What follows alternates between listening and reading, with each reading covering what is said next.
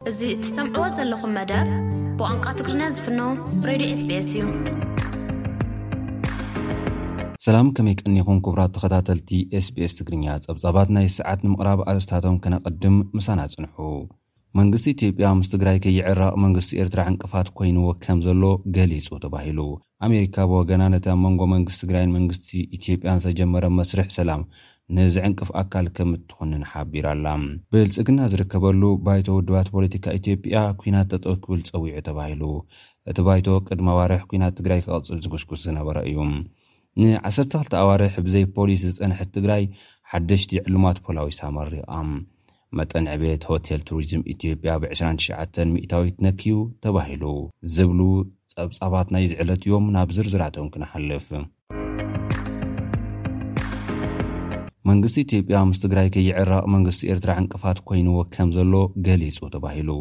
ኣሜሪካ ብወገና ነቲ ኣብ መንጎ መንግስቲ ትግራይን መንግስቲ ኢትዮጵያን ዝተጀመረ መስርሕ ሰላም ንዝዕንቅፍ ኣካል ከም እትኹንን ሓቢራ ኣላ። ጋዜጣ ሪፖርተር ንውሽጣዊ ምንጪ ሚኒስትሪ ጉዳይ ወፃኢ ኢትዮጵያ ፀሪሑ ኣብ ዘውፅኦ ሓበሬታ ቀዳማይ ሚኒስትር ኣብዪ ኣሕመድ እቲ ኲናት ክውዳእ ይደሊ እዩ፣ መፃምድቱ ኤርትራ ግን ህወሓት ከየጥፍኣ እቲ ኲናት ክውዳእ ኣይትደልን ዝብል ሓበሬታ ካብ በዓል መዚ መንግስቲ ኢትዮጵያ ከም ዝረኸበ ገሊጹ ኣሎ። ኣብ መፈለምታ ኲናት ትግራይ ወርሒ ሕዳር 2020 ሰራዊት ኤርትራ ናብ ትግራይ ምእታዎም መንግስቲ ትግራይ ክነግር እንከሎ መንግስታት ኢትዮጵያን ኤርትራን ግን ክሳብ ወርሒ መጋቢት 2021 ህላወ ሰራዊት ኤርትራ ኣብ ትግራይ ክሕሩ ከም ዝጸንሑ ዝዝከር እዩ ቀዳማይ ሚኒስትር ኣብዪ ኣሕመድ ካብ ጸሓፊ ውድብ ሕቡራት ሃገራት ኣንቶኒ ጉተሬዝ ብዛዕባ ህላወ ወተሃደራት ኤርትራ ኣብ ትግራይ ዝምልከት ዝቐረበሉ ሕቶ እውን የለዉን ብምባል ክምልስ እንከሎ፣ ሲኤንኤን ሓዊስካ ብዙሓት ማዕኸናት ዜና ዓለም ንህላወ ሰራዊት ኤርትራ ኣብ ትግራይ ብመረዳእታ ተደጊፎም የቃልዑ ምንባሮም ኣይርሳዕን።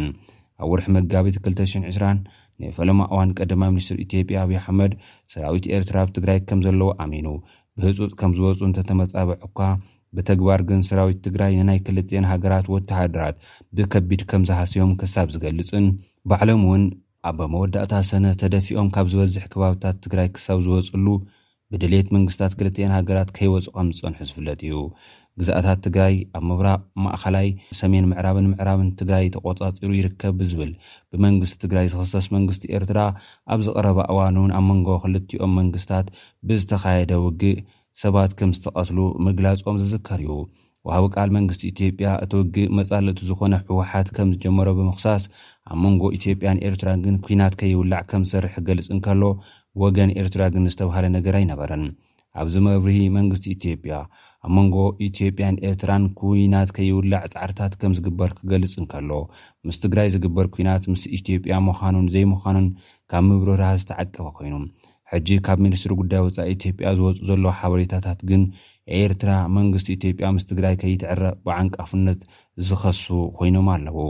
ኣብ መንጎ ኣዲስ ኣበባን ኣስመራን ዝነበረ ዝምድና ከምቲ ቀደሙ ውዑይ ከምዘይኮነ'ውን እዩ ጋዜጣ ሪፖርተር ጸብጺቡ ዘሎ። ኣሜሪካ ብወገና ነቲ ኣብ መንጎ መንግስቲ ትግራይን መንግስቲ ኢትዮጵያን ዝተጀመረ መስርሕ ሰላም ንዝዕንቅፍ ኣካል ከም እትኹንን ገሊጻ ኣላ። ኤርትራ ቅድሚ ሰሙን ኣብ ሸራሮ ብዝፈጸመቶ ደብዳብ ከቢድ ብረት ወዲ ዓሰርተ ኣርባዕተ ዓመት ህጻን ከም ዝተቐትለ ልዕሊ ዓሰርተ ሸሞንተ ሰባት ከም ዝቖሰሉ ብምዝኽኻር ኣሜሪካ ኣብዚ ጉዳይ ዘለዋ መርገጺ ክተነጽር ዝተሓተቱ ወሃቢ ቃል ሚኒስትሪ ጉዳይ ወጻኢ ኣሜሪካ ኔድ ፕራይስ ነቲ ፍጻመ ከም ዝኹንንዎ እዮም ተዛሪቦም። ኣብ ኤርትራ ዝርከቡ ሰብ መዚ ኣብቲ ዞባ ሃዋኺ ግደ ከም ዝተጻወቱ ዝገለጹ እቶም ወሃቢ ቃል ንናይ ቅድሚ ሕጂ ፍጻመታቶም ማዕቐብ ከብ ዝተነበረሎም ኣዘኻኺሮም፣ ሕጂ'ውን እንተኾነ ሃገሮም ነቲ ኣብ መንጎ መንግስቲ ትግራይ መንግስቲ ኢትዮጵያን ዝተጀመሮ መስርሕ ሰላም ንዝዕንቅፍ ኣካል ከም እትኹንን ገሊጾም ኣለው። ነቲ ንነዊሕ እዋን ሰብኣዊ ሓገዝ ከይረክብ ዝተኸልከለ ህዝቢ ትግራይ ረድኤት ክረክብ ጥራሕ ዘይኮነስ ኣብቲ ዞባ ዘላቒ ሰላም ንምርካብ እውን ምስ ኣብ መቐለን ኣዲስ ኣበባን ዘለው ሰብ መዚ ዝርርብ ከም ዝቐጸለ እውን ኣረዲኦም እዮም። ብልፅግና ዝርከበሉ ባይቶ ውድባት ፖለቲካ ኢትዮጵያ ኲናት ጠጠው ከብል ፀዊዑ ተባሂሉ። እቲ ባይቶ ቅድሚ ኣዋርሕ ኲናት ትግራይ ክቕፅል ዝጉስጉስ ዝነበረ እዩ። ንመንግስቲ ኢትዮጵያ ዝመርሕ ዘሎ ሰልፊ ብልፅግና ዝርከበሉ ሓበራዊ ደቂ ኣንስትዮ ፖለቲከኛታት ኢትዮጵያ ምስ ትግራይ ኮነ ምስ ኦሮሚያ ዝግበር ኲናት ጠጠው ክብል ከምዝፀወዐ ተሓቢሩ ኣሎ። እቲ ባይቶ ኣብ ዝሃቦ መግለፂ መንግስቲ ኢትዮጵያ ህወሓትን ኦነግን ሰላማዊ መገዲ ይምረፁ ኢሉ'ሎ።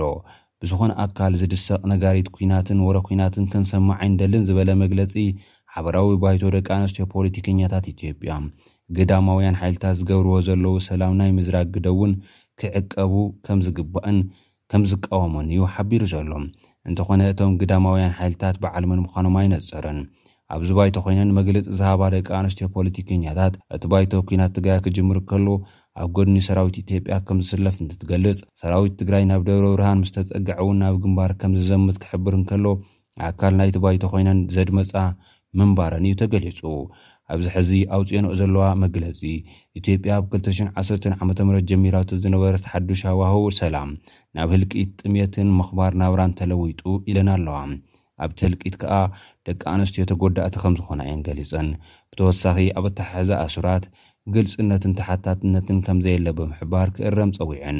ዘላቓይ ዝበሃል ሰላም ንምምጻእ ሓቃዊ ሃገራዊ ምይይጥ ክካየድ ዝሓተታተን ፖለቲከኛታት ደቂ ኣንስትዮ ሰብዓ ሚእታዊት ቦታ ናይቲ ሃገራዊ ምይይጥ ንደቂ ኣንስትዮ ክወሃብ እውን ሓቲተን ኣለዋ። ን ዓሰርተ ክልተ ኣዋርሕ ብዘይ ፖሊስ ዝፀንሐት ትግራይ ሓደሽቲ ዕሉማት ፖላዊስ ኣመሪቓ። ውሽጣዊ ሰላም ከውሕስ ተስፋ ዝተነብረሉ ብሓዱሽ ኣዋጅ ሰለስተ ሚእትን ሱሳን ቐዝባር ክልተ ሽሕ ዓሰርተ ኣርባዕተ ዝተጣየሸ ፖሊስ ኮሚሽን ትግራይ ካብ ሰራዊት ትግራይ ብዝተመልመሉ ኣባላት ዝተመልኣ ምዃኑ እዩ ተገሊፁ። ኮሚሽነር ኮሚሽን ፖሊስ ትግራይ ይሕደጎ ስዩም ኣብቲ ስነ ስርዓት ምረቓ ኣብ ዘስምዕዎ መደረ እቶም ተመረቕቲ መባእታዊ ስልጠና ፖሊስ ከምዝወሰዱ ብምሕባር፣ ህዝቢ ትግራይ ንልዕሊ ሓደ ዓመትን ሸውዓተ ወርሕን ብዘይ ስሩዕ ኣገልግሎት ፖሊስ ፀኒሑ እዩ ኢሎም። ኣብቲ ስነስርዓት ምረቓ ዝተረኸቡ ፕረዚደንት ትግራይን ኣቦ ወንበር ህወሓትን ዶክተር ደብረፅዮን ገብረሚካኤል ብወገኖም፣ ህዝብና ተረጋጊኡን ቀሲኑን ዕለታዊ ውራያቱ ብሰላም ክፍፅም ዘኽእሎ ምቹው ባይታ ከምትፈጥሩ እምነት ነሕድረልኩም ክብሉ ንተመረቕቲ ተላብዮም። ነቶም ድሕሪ ምጅማር ኲናትን ንፈለማ እዋን ዝተመረቑ ኣባላት ፖሊስ ትግራይ መሰረት መፃኢ ህዝባዊ ፖሊስ ትግራይ ክብሉ ዝገለፅዎም ኮይኖም ኣብ ቅድሚኦም ተደራረብቲ ዕማማት ከምዝፅበይዎም እውን ኣዘኻኺሮም። ዶክተር ደብረፅዮን ኣብ ዝሓለፈ እዋን ካብ ህዝቢ ንዝቐርብ ዝነበረ ቅሬታ ኣብ ፀጥታዊ ጉዳያት እቲ ክልል ነባር ትካል ፖሊስ ትግራይ ከም ትካል ከምዝጠለመ ብውልቂ ግና ብዙሓት ናብ ቃልሲ ከም ዝወረዱ ምዝራቦም ዝዝከር እዩ። ቅድሚ ኩሉ ዝጠለመ ንሱ ፖሊስ እዩ። ካብ መጀመርያ ተጋደል ኢልናዮ ኔርና። ግን ምስ ብልጽግና ዝተሰለፈ ንሱ እዩ። ብውልቀ ሰባት ዘይኮነስ ከም ትካል እዩ ጠሊሙና። ፖሊስ ንህዝቢ ትግራይ ጠሊምዎ እዩ። ብውልቀ ሰባት ግን ዝተቓለሱ፣ ዝተሰውኡን ሐዚ ውን ዝቃለሱ ኣለው እዮም ኢሎም ነይሮም። ብሰንኪ ኲናት ትግራይ መሓውር ፖሊስ ምፍራሱ ስዒቡ ኣብ ትግራይ ከቢድ ናይ ፀጥታ ስግኣት ከም ዝተፈጥረ ህዝቢ ብመረረት ክገልጽ ጸኒሑ እዩ። እዞም።